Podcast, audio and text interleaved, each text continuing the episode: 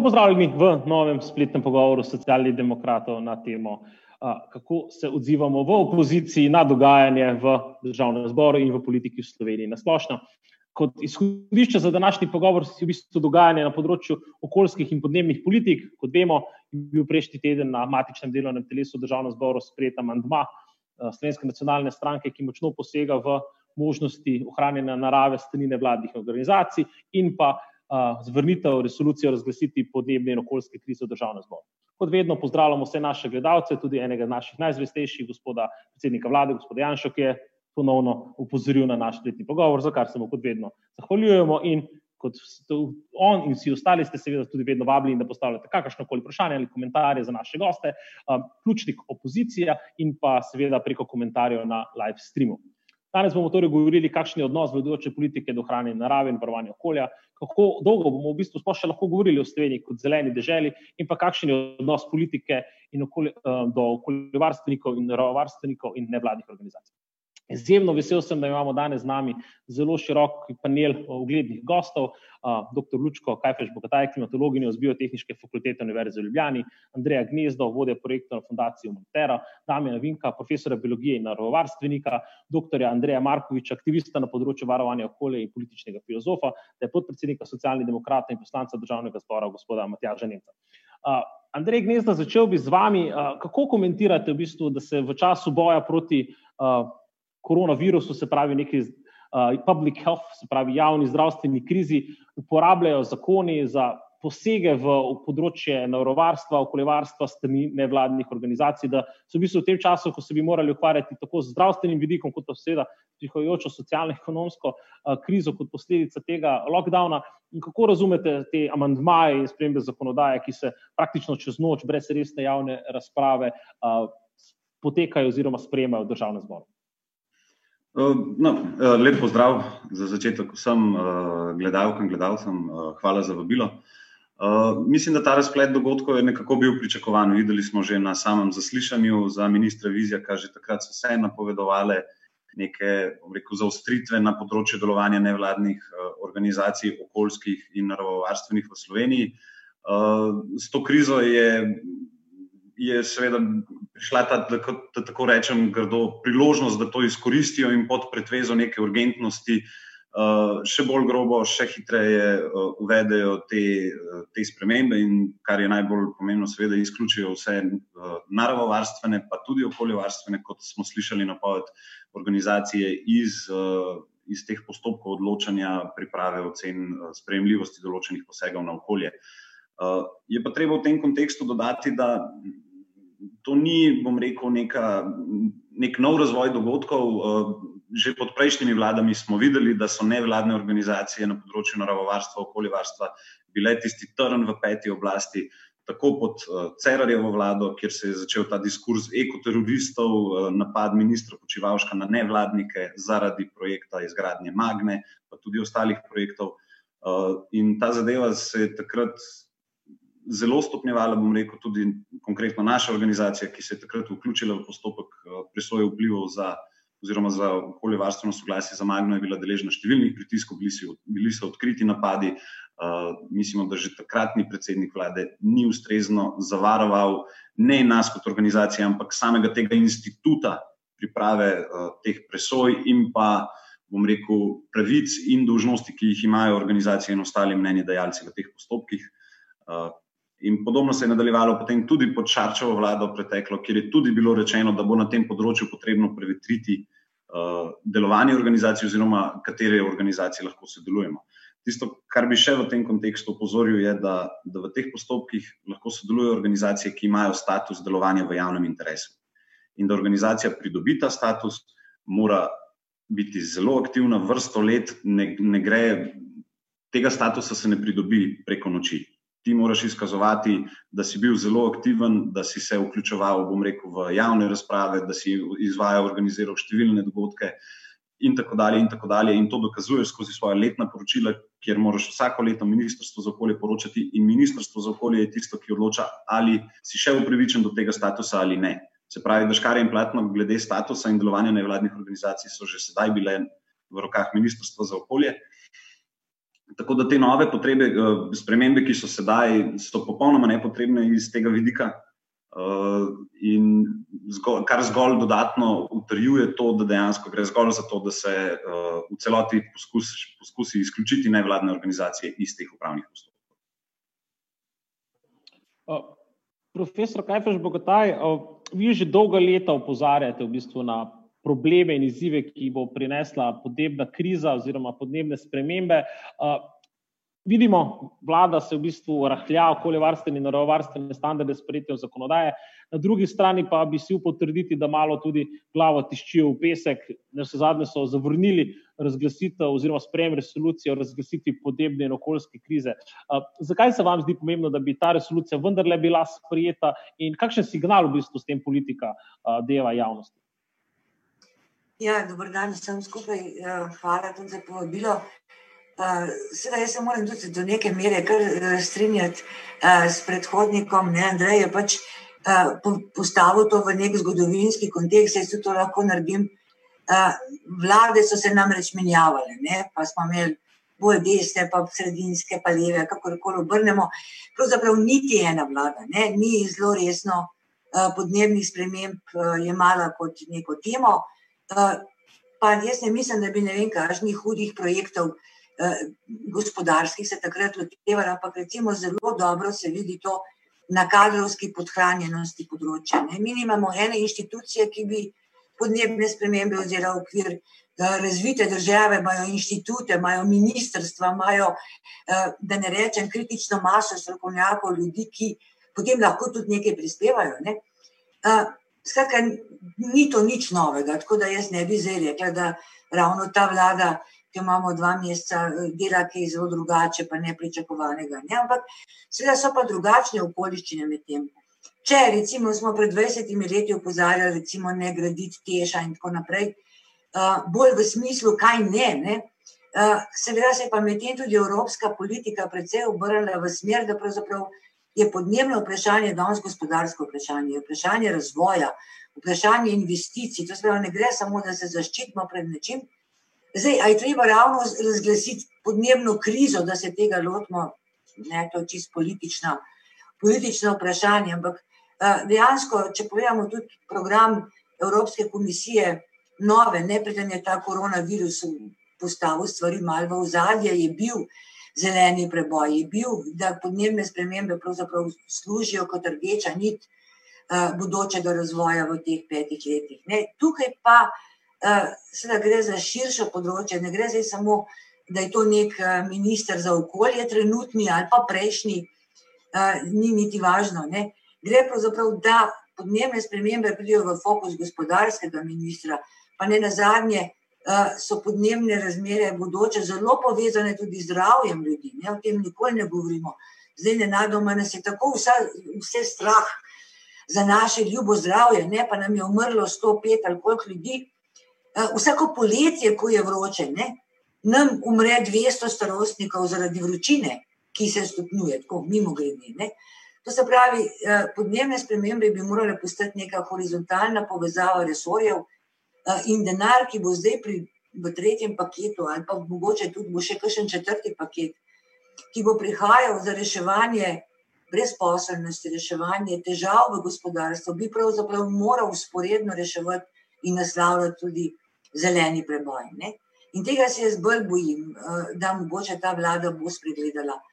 Skratka, da rešujemo več problemov hkrati, ker časa nimamo, novih milijard ne bo čez nekaj mesecev, ne.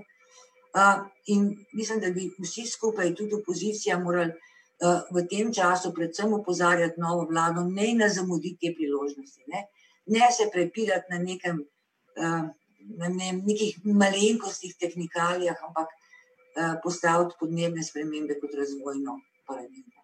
Ker ta kriza ne bo šla proč, ne. Virusna se bo končala s cepivom, mogoče še prej, podnebna se pa še pravzaprav resno začela. Ja, popolnoma se strinjam z vami, sploh z vidika, koliko nujno bo potreben zelen, nov zeleni dogovor, ta Green New Deal, o katerem je Evropska komisija že veliko govorila. Podpredsednik komisije Franz Timmermans, socialni demokrati, prav vodilni v tem postopku, ker se je treba zavedati tega omejenosti virov na, na tem planetu, hkrati pa neke trajnostni načinov gospodarjenja, kjer neskončna gospodarska rast in izraba tako okoljskih kot človeških virov nikakor ne moremo reči, da je vzdržno. Damjan, ti si pred dnevi zapisal en zelo zanimivo objavo na svojem Facebooku in sicer si se spraševal, če nagajaš kot član več društev z področja preučevanja in ohranjanja narave, ki imajo status delovanja v javnem interesu na področju ohranjanja narave in v bistvu, če nagajaš, ali je to tvoj prosti čas v bistvu namenjen javnemu dobremu. Kako si v bistvu v tem kontekstu sebe vidiš in pa ostale seveda kolege, ki podobno delujejo kot ti? Zdravo, še z moje strani. Uh, tisti moj zapis je v resnici bolj izhajal iz uh, tiste nekaj urne seje odbora v parlamentu, ker me je res čemelo pod prsti zaradi vseh možnih uh, izjav, uh, predvsem pa populističnih uh, misli, da zdaj kar naenkrat uh, vsi v Sloveniji, ki ne mislimo ali pa delamo tako, kot nekdo reče, kar naenkrat nagajamo. Ne? In uh, zagotovo sem jaz za svojim nekim delovanjem v preteklosti, predvsem na področju zagovorništva, uh, naravovarstva ali pa ohranjanja narave, zagotovo povzročil neke neprijetnosti ali pa nevšečnosti uh, posameznikom, uh, predvsem uradnikom, ki, v katere postopke sem se pač noter vključeval. Ampak tisto, kar je po resnici bilo najbolj moteče, je po resnici, da se je v tem samem seji odbora v bistvu znova pokazalo neko veliko nerazumevanje vloge nevladnih organizacij, kaj še lepo ločevanje okoljevarstvenih, pa naravovarstvenih organizacij, pa civilnih inicijativ. Uh, in so v bistvu vse poprek, v bistvu neki očitki prihajali. Uh, in žalostilo me je pa v resnici to, da so uh, poslanci v bistvu status delovanja v javno korist banalizirali, v bistvu izključno vključevanje v upravne postopke. Mari se katere organizacije, predvsem na področju ohranjanja narave, eh, v resnici ta status uveljavljamo eh, zaradi kakih drugih eh, procesnih zadev, ki jih pač izvajamo, v končni fazi tudi iz vidika prihodkov. Predvsem pa gledamo na ta status kot, kot neko priznanje, da v resnici vse tiste ure, ki jih v veliki večini namenjamo prostovoljno, Eh, preučevanju ali pa ohranjanju slovenske narave, da je v bistvu nekomu mar, uh, oziroma da nekdo pač pokaže tudi s tem kot neko spoštovanje v bistvu samo temu trudu, uh, ki smo ga temu namenili. In zagotovo v resnici ta celotna težava ne izhaja iz obdobja te zadnje vlade, ampak v resnici ne področje ohranjanja narave. Je mogoče od vstopa v EU-ja bilo na zadnje v neki agendi slovenskih koalicijskih uh, strank, in tako dalje. V resnici se ukvarjamo izključno samo z gašenjem požarov, ne glede na to, koliko nekateri nagajamo ali pa ne nagajamo, ne glede na to, kakšne upomini prihajajo iz strani Evropske komisije in podobno. Še pod vprašanje. V bistvu so se določeni aktivisti in organizacije v času spremljanja tega zdaj že skoraj famoznega mandmaja, aktivirali za tako eno točo elektronske pošte, tudi v državi se je kar nekaj ljudi zbralo pred eh, državnim zborom. Um, ali to vidiš vendarle kot nek indikator, da, da civilni družbi še zdaleč ni vse eno in pa da je potrebno na takšne spremembe, ki gredo, ki so potriti v napačno smer, še posebej aktivno in glasno upozarjati? Ja, jaz sem bil v bistvu zelo uh, pozitivno presenečen no, nad, nad tem dogajanjem. Sicer v samo organizacijo tega uh, nisem imel kaj prida, sem bolj uh, šel na osveščanje preko spletnih medijev oziroma državnih omrežij. Uh, pa vendar, že ko je tisto jutro bil v bistvu nek gromozanski naliv, sem pač pričakoval, da nas bo tam mogoče 50, v najboljšem primeru 100.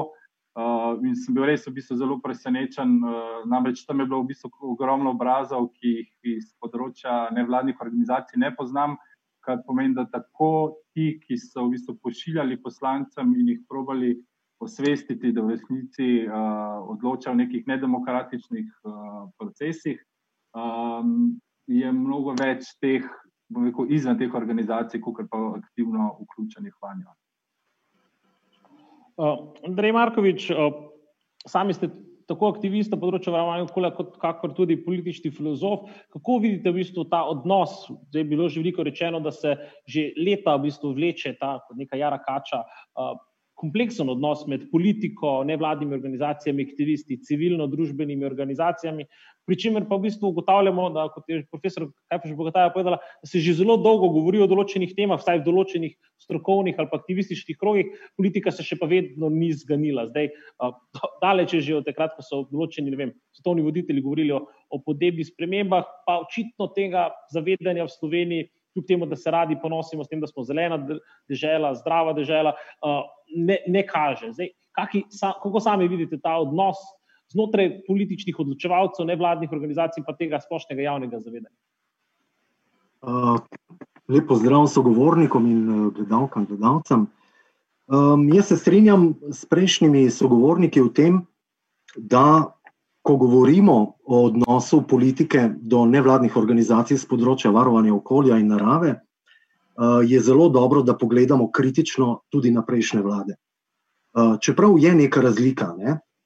Um, razlika je ta, da, uh, smo se, da smo lahko bili priča uh, poskusu celo kriminalizacije uh, nevladnih organizacij, v smislu, uh, da prejemajo podkupnine, da uh, gre tukaj samo za nek denar, celo za pranje denarja in tako naprej.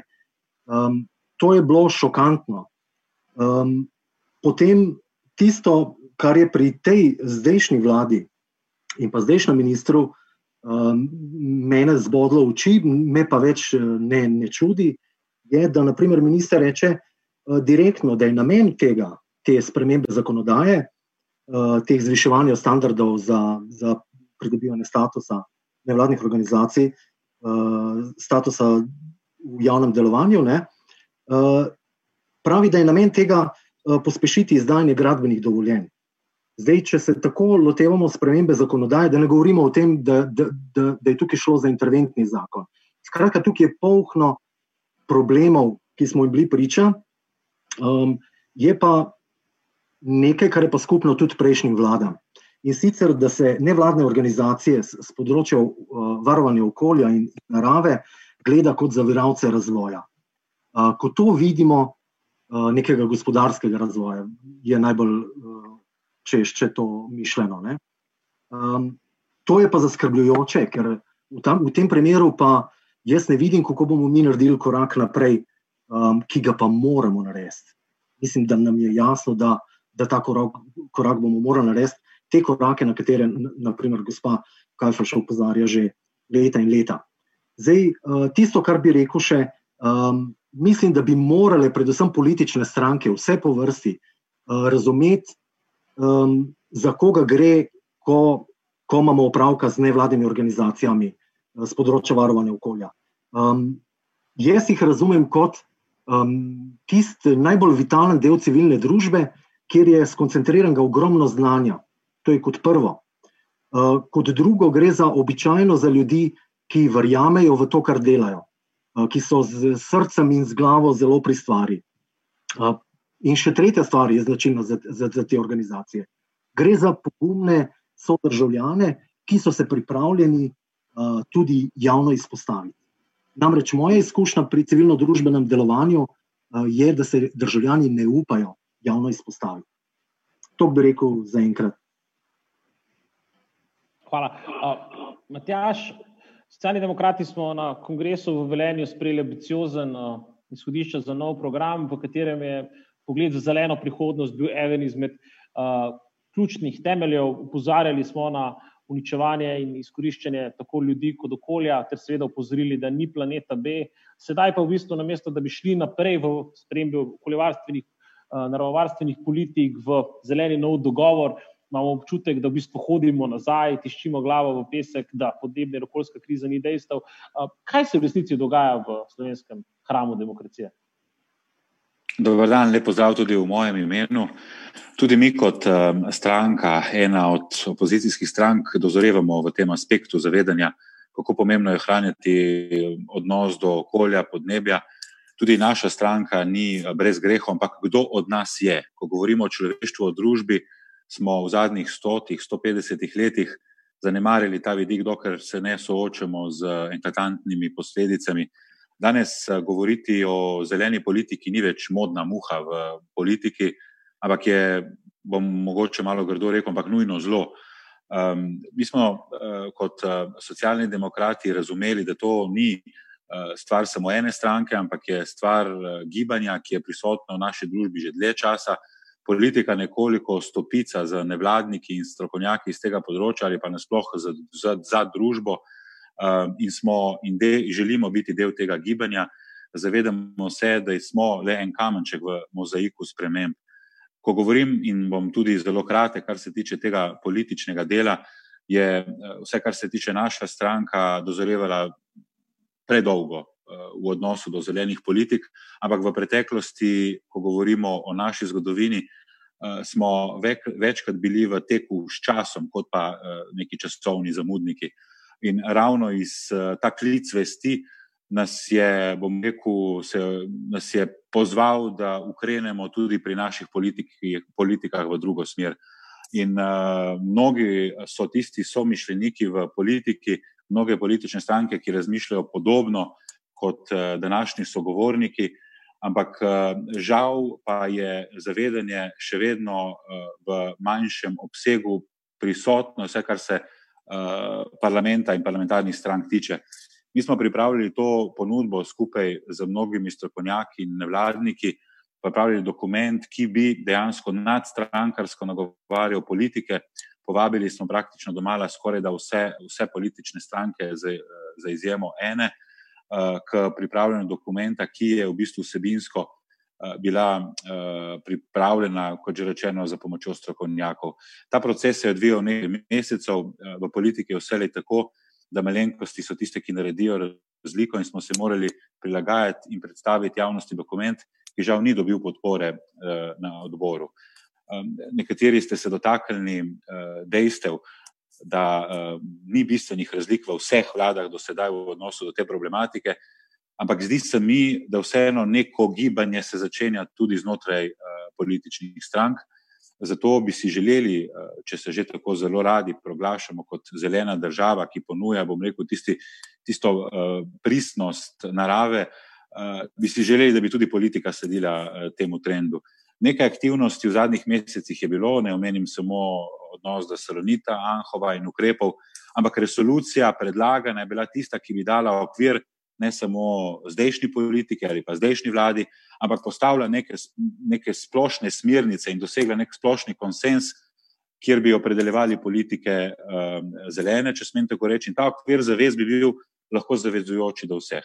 Seveda uh, je, um, bom rekel, um, ta, ta načela, opredelitev do teh načel, bi potem usmerjala politiko ali pa nadaljno zakonodajo vsaj v enemu delu uh, k našim ciljem. Torej, žal, ta resolucija ni dobila dovoljšne podpore, cela vrsta presenečenj je bilo v podpore ali pa ne v podpore, ne, ne bi se želel, razen če bi kdo želel poglabljati v to. Uh, v naslednjem tednu bomo opravili še zadnji for, formalizem glede resolucije na plenarki, in potem bomo za nekaj časa, žal, uh, prisiljeni odmakniti to vsebino iz uh, mize. Je pa v prejšnjem tednu se zgodil še, zgodila še ena nepodpora, to je tako imenovanemu zakon NOV, kjer dejansko nagovarja politike in o tem bomo verjetno še kasneje kakšno več rekli. Lučka, že leta 2007 ste bili v bistvu soprejemnica Nobelove nagrade za prizadevanja pri osveščanju javnosti o sodnih posledicah segrevanja ozračja. 13 let je že od takrat minilo, še predtem je bil, globalni hit Al Gore z svojim filmom in popularizacijo, če se upam tako izraziti, boja proti podnebju, svojim in upozarjanjem na ta problem. Ampak čutek imam, kakor da se malo lovimo v bistvu kot neka mačka, okoli vrele kaše, že dolga leta. Opozarjamo na zadeve, politika o tem morda govori, uh, naredi pa se bolj malo. Kje je ta disonanca, da se vendarle ne pride iz nečih, rečemo temu, ravni parol v ravni dejanj. Ja, ravno ta percepcija. Ne? Mislim, da problem je, da se gleda na podnebne spremembe kot na strošek, kot na nekaj, kot na nevladne organizacije. Ne?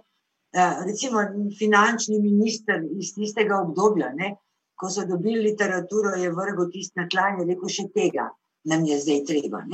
Skratka, gledanje na podnebne spremembe, kot še tega nam je zdaj treba, je tisto, kar pomeni neakcijo, ne kar zavira. Gledanje na podnebne spremembe kot na neko priložnost, ne, na nekega novega razvoja, nekih novih investicij, novih delovnih mest. Ne, tega manjka. Ne, in um, to se mi zdi, da tega preskoka naša politika ni nikoli znala narediti. Seveda, za ta preskok rabiš znanje. Ne.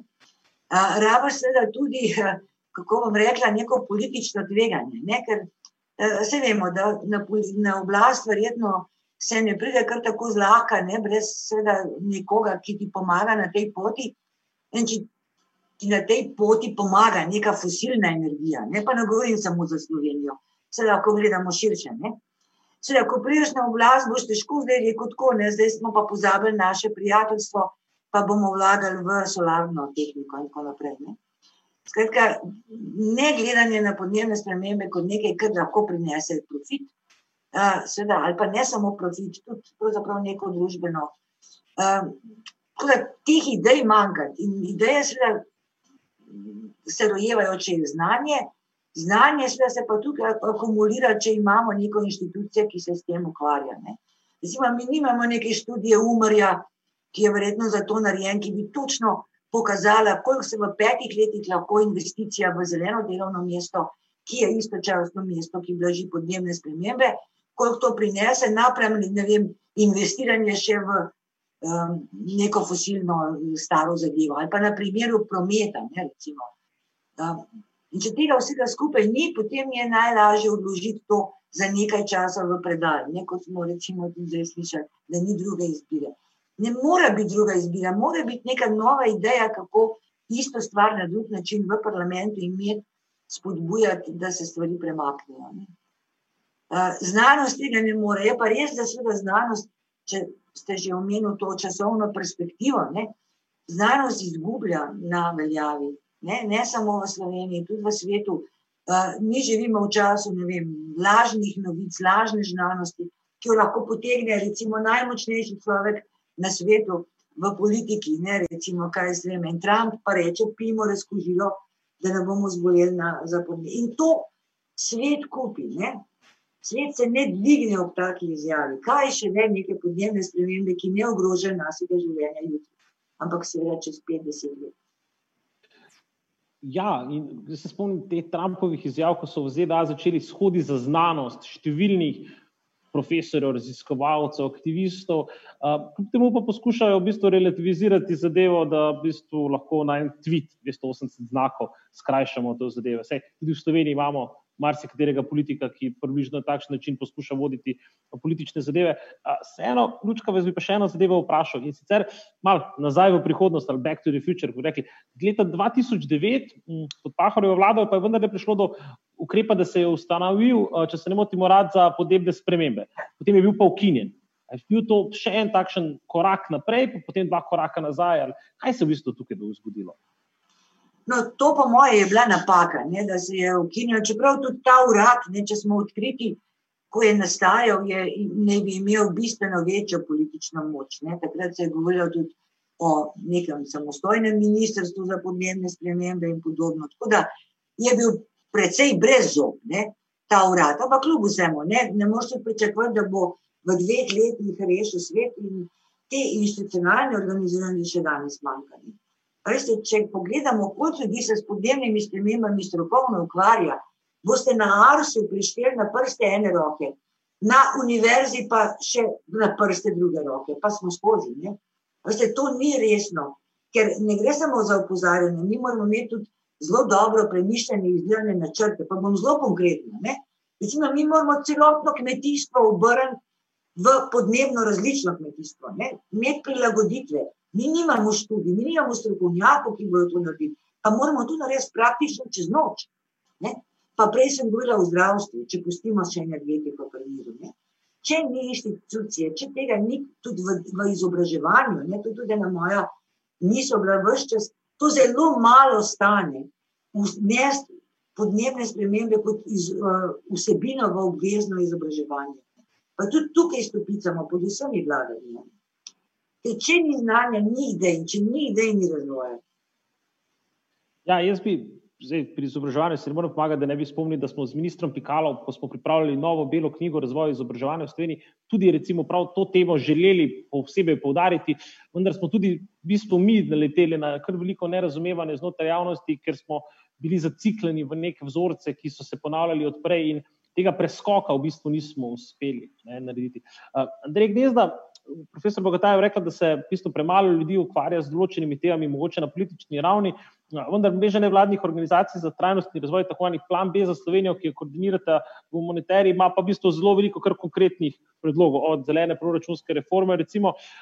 In tukaj pa opozarjate na v bistvu potrebne spremembe. Kako ste pa uspešni, oziroma kako smo pa vsi skupaj ne dovolj dovzetni za te zadeve? Uh, ja, drži. Uh, mogoče bi se kar navezal na, na to, kar ste omenili, da smo nekako zacikleni, kot ste rekli. Jaz mislim, da ta status quo je kar priljubljen status v Sloveniji in, in je ravno tukaj ta težava, da nismo naklonjeni nekim večjim spremembam in rešitvam. In, in kot ste že sami omenili, ne, tudi v politiki še lepo časi dozoreva to neko spoznanje in to je lahko tudi nek uh, indikator, kako uspešni smo mi v tem delu. Mi kot Humanotera koordiniramo mrežo okoljskih nevladnih organizacij Plan B, ki šteje slabih 40 članov, gre za res kar, kar veliko število organizacij, pa vendar je nevladni sektor tukaj še precej nerazvit. Uh, in smo pripravili sedaj že kar tradicionalno tako imenovano uh, Plan B pobudo za nek, bom rekel, alternativni okoljski razvoj. Uh, Veliko krat so te vsebine potem se preslikale tudi v določene programe političnih strank, deloma celo v koalicijske pogodbe, ampak na sami implementaciji pa, pa ni bilo tega napredka. Ne. Omenjena je bila zelena proračunska reforma. Recimo, naše poročilo na to temo je išlo leta 2013, kasneje je ta projekt postal celo vladni strateški projekt v, v, pod Cerarjevo vlado. Uh, ampak sami rezultati tega projekta v političnem smislu pa so bili precej manjši od tistega, kar je bilo pričakovati, glede na to, da je zadeva v koalicijski pogodbi pristala. Uh, se pravi, tako bi rekel, no, ko, ko gre za neke konkretne dejanske premike na področju zelenega gospodarstva ali pa zelenega razvoja, so ti zelo majhni, zelo počasni, prepočasni. Uh, Medtem ko vidimo, da je naklonjenost politike. Zelo veliko krat visoka za tiste projekte, ki, ki, ravno, uh, ki imajo ravno nasprotni učinek, spravi, so uničujoči, bodi si za podnebje, bodi si za naravo, uh, ponovadi za oboje skupaj. Pa ne govorimo o neki širitvi upadnic, uh, obvoznic, izgradnji tretje osi, magni in tako naprej. Tukaj je podpora zelo hitro, zelo visoka na političnem nivoju. Medtem ko recimo s kakšnimi predlogi za zmanjšanje porabe energije, za prestrukturiranje slovenske industrije, kar je tudi bil del, del slovenske industrijske politike, ki nikoli ni bil realiziran, tukaj pa manjka ta politična podpora. Zdaj, eno je kot rečeno, nekako smo navajeni verjetno na ta status quo. Drugo je pa seveda tudi potem interesi nekih ostalih deležnikov v družbi, bodi si gospodarstva, avtoprevoznikov in tako dalje, ki seveda uh, vedno znova, kadar se obetajo neke spremembe ali pa napovedo, uh, prično rožljati in groziti, da bo prišlo do upora. Uh, že recimo konec leta 2014 smo imeli celo primer, ko so na Gregorčičevi skupaj protestirali del sindikatov in pa gospodarska zbornica Slovenije. Uh, tako da sigurno je, uh, bom rekel, neke.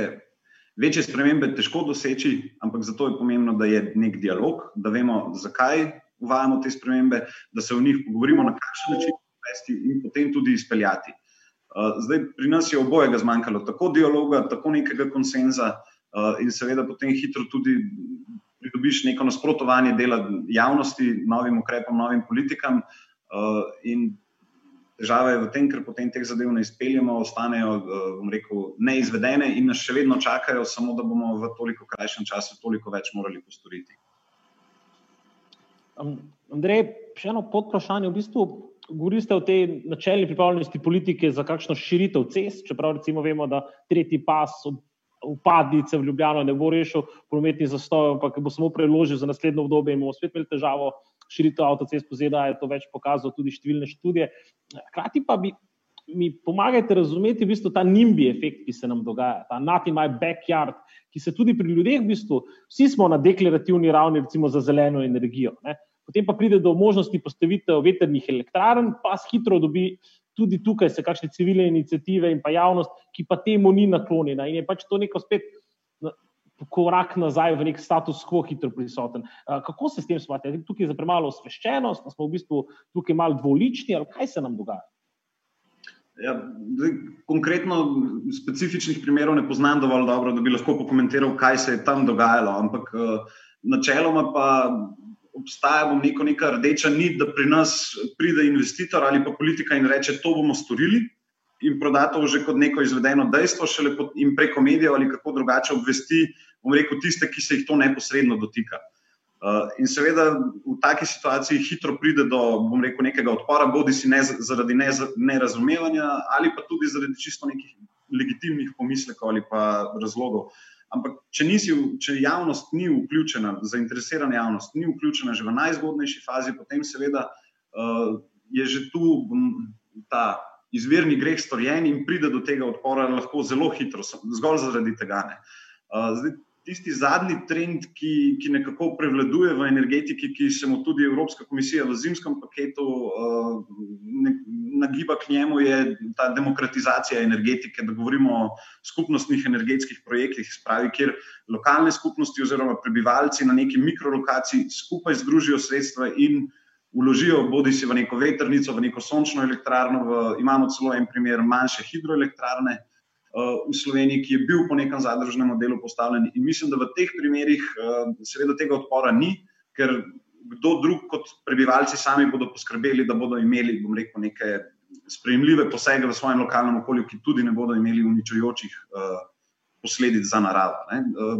Pri nas pa, pa je politika bolj naklonjena tem večjim, kapitalsko intenzivnejšim uh, energetskim projektom, ki so hkrati tudi bolj nagnjeni k neki koruptivnosti in tako naprej. Uh, in seveda tu pa prihaja do določenega odpora, ne? še posebej, kot že omenjeno, če javnost ni ustrezno vključena. Demokratizacija je zelo, zelo, do, zelo dober podarek. In, uh, Damjan, ti si v aktivističnih krogih na tem področju že več kot desetletje. Uh, Zdaj smo bili lahko videni, pa večkrat to v naših pogovorih izpostavljamo, to, to gibanje od spodaj, mlajše generacije tega a, boja za podnebno pravičnost, ki se je vendarle tudi v Sloveniji dobro razvil, oziroma je kar številčen. A, ali tu vidimo kot nek katalizator mladih ljudi, ki se borijo za svojo prihodnost in opozarjajo na zadeve, ki se bodo obstale, ali je to neka. Podnarekovajo modna muha, uh, zato ker pač se to zadeva tudi v mainstream medijih tako močno izpostavila. Ali je tukaj v bistvu upanje na mlajši generaciji, da bo pa tudi vse te zadeve, o katerih sta profesor Bogatajeva in Andrej govorila, poskušala tudi realizirati preko civilno-družbenih akcij političnega gibanja kot takšnega. Ja, verjetno je resnica v resnici kar nekaj vmes, ne? ampak tisto, kar pa treba vedeti, pa vsem, da področje uh, vem, ohranjene narave, okolja, uh, prisotnosti raznih vrst je vse neka taka medgeneracijska tema, ki je zagotovo veliko vplivala v resnici tudi na te naše mlajše generacije. Ko se vendarle, kadarkoli recimo, se pogovarjamo, kaj starejšimi, gremo z njimi lahko čisto nek družinski izlet, na katerega so oni v svoji mladosti že nekako obiskali, zelo hitro pridemo v bistvu na temo, da se ti naši starejši, ti pa starši, stari starši, v bistvu spominjajo tistega okolja ali pa narave povsem drugače. Uh, vsi recimo, zelo hitro pridejo na to, da ko so pa oni recimo upravili svoje vozniške izpite, je bilo to gomilo žuželjk na vetrovranskih uh, šipah, da je bilo nešteto nekega ptičega petja in podobno. Ne. Tako da se mi zdi, da tudi poleg same te modne muhe, ki je zagotovo prisotna, je tudi to zavedanje v resnici iz usta v usta zelo pomembno uh, in hkrati v resnici. Se mi zdi, da smo vsi v, v družbi tudi postali malo bolj uspešni na, na področju prepoznavanja pomena ohranjene narave. Ne? Da ne gre za to samo zato, da ohranimo nekega metuljčka, nekega ptička, ampak da gre v resnici to za ohranjeno neko okolje, od katerega bomo mi vsi kot družba nekaj od tega imeli. Ne? Um, in, in se mi zdi, da se v bistvu če dalje večje tudi spoštovanje v bistvu do tega.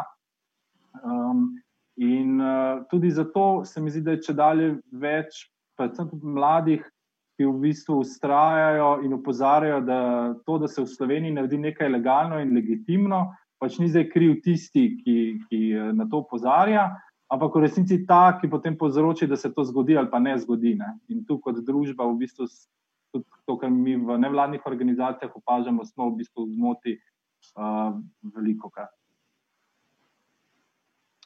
Andrej, Markovič, sami ste se močno angažirali tudi v primeru vrhniškega kemisa, ki se je zgodil praktično pri vas doma, vaši občini. Kakšne je v bistvu vaše izkušnje z tega primera v odnosu gospodarstva, kapitala do, do, do narave in okolja in lokalnega prebivalstva? Ja, ta izkušnja je za me zelo, zelo zanimiva. Um, zdaj, jaz mislim, da to samo ne pri nas, to, kar si omenil. Uh, jaz mislim, da je to en velik predsodek. Mislim, da se ljudi zelo podcenjuje. Um, mislim, da redko v kateri skupnosti so ljudje tako uh, osko postavljeni. Jaz mislim, da gre problem za problem komunikacije.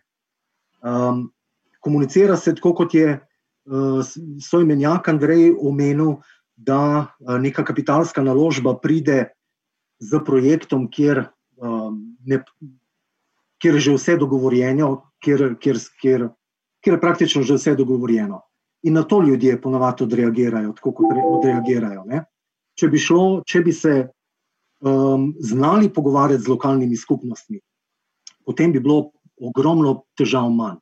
Zdaj pa samo glede, glede vrhnike. Ne? Uh, na vrhniki tudi slučajno ni šlo za efekt samo ne pri nas, uh, zaradi tega, ker na vrhniki smo predelovali odpadke za pol Slovenije, od nevarnih odpadkov, bio odpadkov in tako naprej. Skratka, pri nas je to bila razvita industrija, uh, s katero so ljudje živeli. Ljudje so se pa uprli temu, ker so bili dobesedno strani podjetja in celo tudi več podjetij uh, večkrat naplahtani in to zelo odkrito. Uh, razlog, zakaj sem se jaz tako angažiral, je bil pa ta, ker je bilo zelo očitno, uh, da imamo opravka v primeru s kemisom, s privilegiranim podjetjem. S podjetjem, ki ga je politika privilegirala in ga smatrala um, pa, pač privilegirano. Uh, jaz pa dobro vem, kaj to pomeni. Ne? Eh, kadar eh, enkrat izgubimo eh, na tej točki, da smo vsi enaki pred zakonom, takrat se mora vsak državljan zbuditi in, in, in politično delovati. In pri mojem angažmaju v veliki meri šlo za to, poleg seveda okoljevarstvenega elementa. Ne? Ampak to, to mislim, da je veliko hujše. Ko nismo v, v demokratični državi vsi enaki pred zakonom, od velikih kapitalskih družb do vsakega posameznika, takrat uh, nam grozijo resne nevarnosti. Če sem kratek.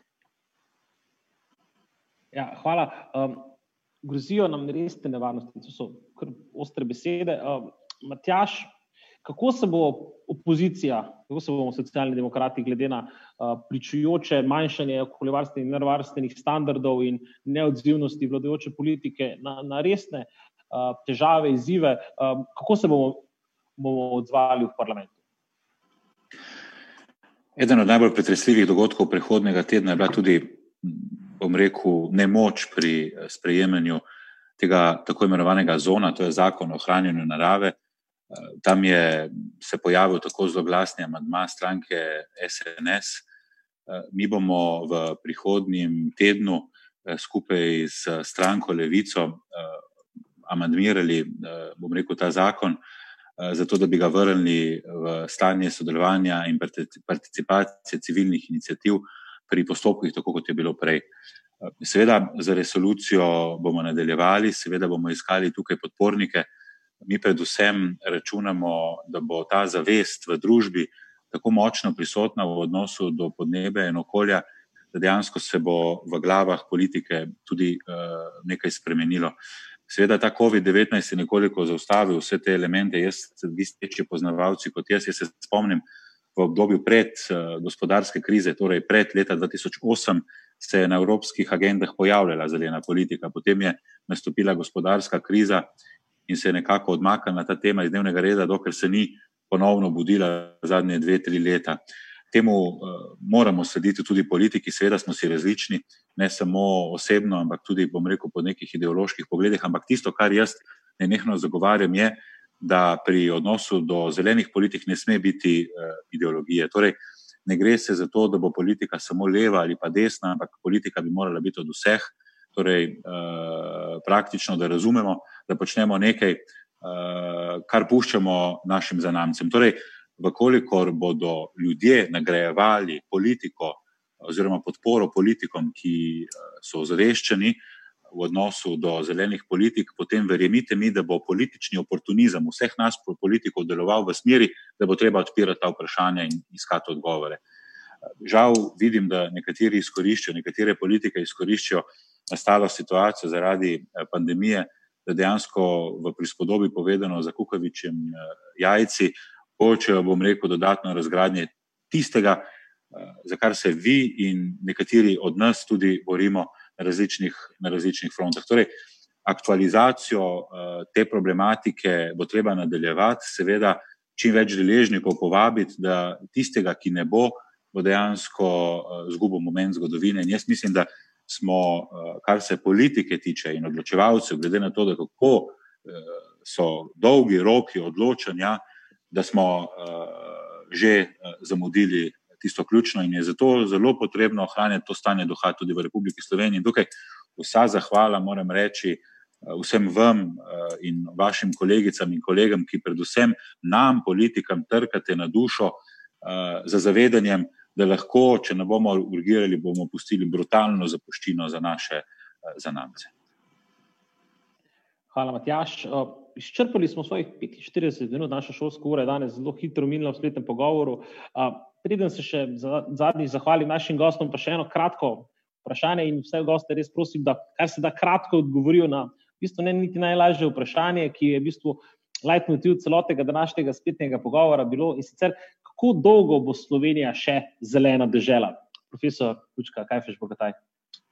No, jaz ne bi bila tako zelo pesimist. Ne? Mi bomo zeleni ustali, predvsem zato, ker nas je dva milijona, mi smo redko poseljeni, kljub vsemu. Ne? Tako da ne bi šla v te detalje. Ampak seveda zeleno ne pomeni za mene samo zeleno. Zeleno pomeni tudi, da so druge stvari v redu. Ne? Da so delovna mesta, da ljudje živijo spodobno. Ne? To ne moramo ločevati od zelene Slovenije. Tega se pa bojim, da uh, zaenkrat uh, politika slovenska nam ne more zagotoviti. Tvariš gnezda, oziroma kolega, gospod gnezda, se pričujem. Jaz se bojim, da s takimi politikami, in če bomo držali ta tempo, ne ravno dolgo, jaz, jaz tukaj ne morem žal tega optimizma deliti. Vidimo, upada nam biotska raznovrstnost, izgubljamo kmetijska zemljišča, gozde v propadu. Uh, res res rabimo en temeljit obrat v teh politikah. Uh, mislim, da ta zelena Slovenija je zelo močna identiteta ljudi, ki tukaj živimo in moramo poskrbeti, da tudi ostane tako. Kolega Vinko. Ja, um, bom v bistvu sam nadaljeval to, kar je Andrej pred mano povedal, ker se strinjam uh, z vsem, kar je povedal, tudi jaz nisem uh, optimist. Bi pa mogoče spomnil na to, da letos obeležujemo sto let prvega programa varstva narave na slovenskem. In v resnici tisti neki cilji, ki so se jih takratni nevladniki zadali pred stotimi leti, v resnici so še vedno danes aktualni. Ne? To je, da moramo prepoznati pomen ohranjene narave, da moramo vzpostaviti čukovit nadzor, v tem zagotovo kot Slovenija najbolj pešamo, da moramo izvajati politike, ki so primerne pa s časom in pa predvsem zainteresirati najširšo javnost za varstvo narave in okolja. In uh, kljub temu, da je v resnici eh, teh sto let mimo, pa da je marsikaj iz tega programa bilo uresničeno, smo v resnici še vedno na isti točki kot takrat. Hvala, Damien. Uh, Doktor Markovič. Ko se primerjamo s številnimi drugimi državami, takrat uh, lahko rečemo, da smo uh, relativno zelena uh, država. Drugač pa uh, mislim, da ogromno pove, koliko smo zeleni, Eh, neka izjava ena od zelo kredibilnih nevladnih organizacij, ki pravi, da je največja ekološka bomba v Sloveniji slovenska zakonodaja. In zakonodaja še v državni zbor, Matjaš? Želel bi si, da bi eden od kazalcev razvoja posamezne družbe ali pa države bil tudi indeks, eh, bom rekel, zelenih politik.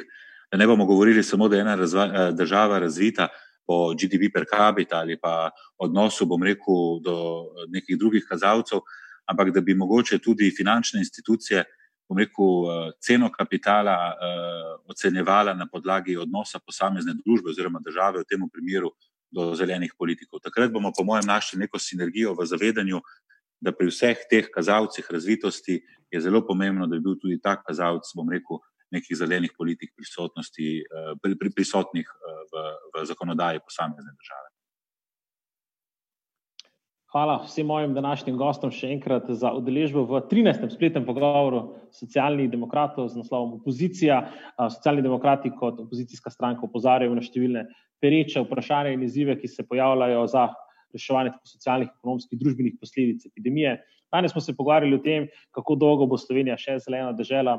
Tudi, če tako kot jaz ne vidite, za NK Maribor, verjamite, podpora zelenim politikam je zagotovo pravilna smer razvoja naše družbe. Samo upamo namreč lahko, da največji domoljubi ne bodo odgovorni za mrtve, reka, za mrtve reke in pa degradirana območja v naši prelepi državi.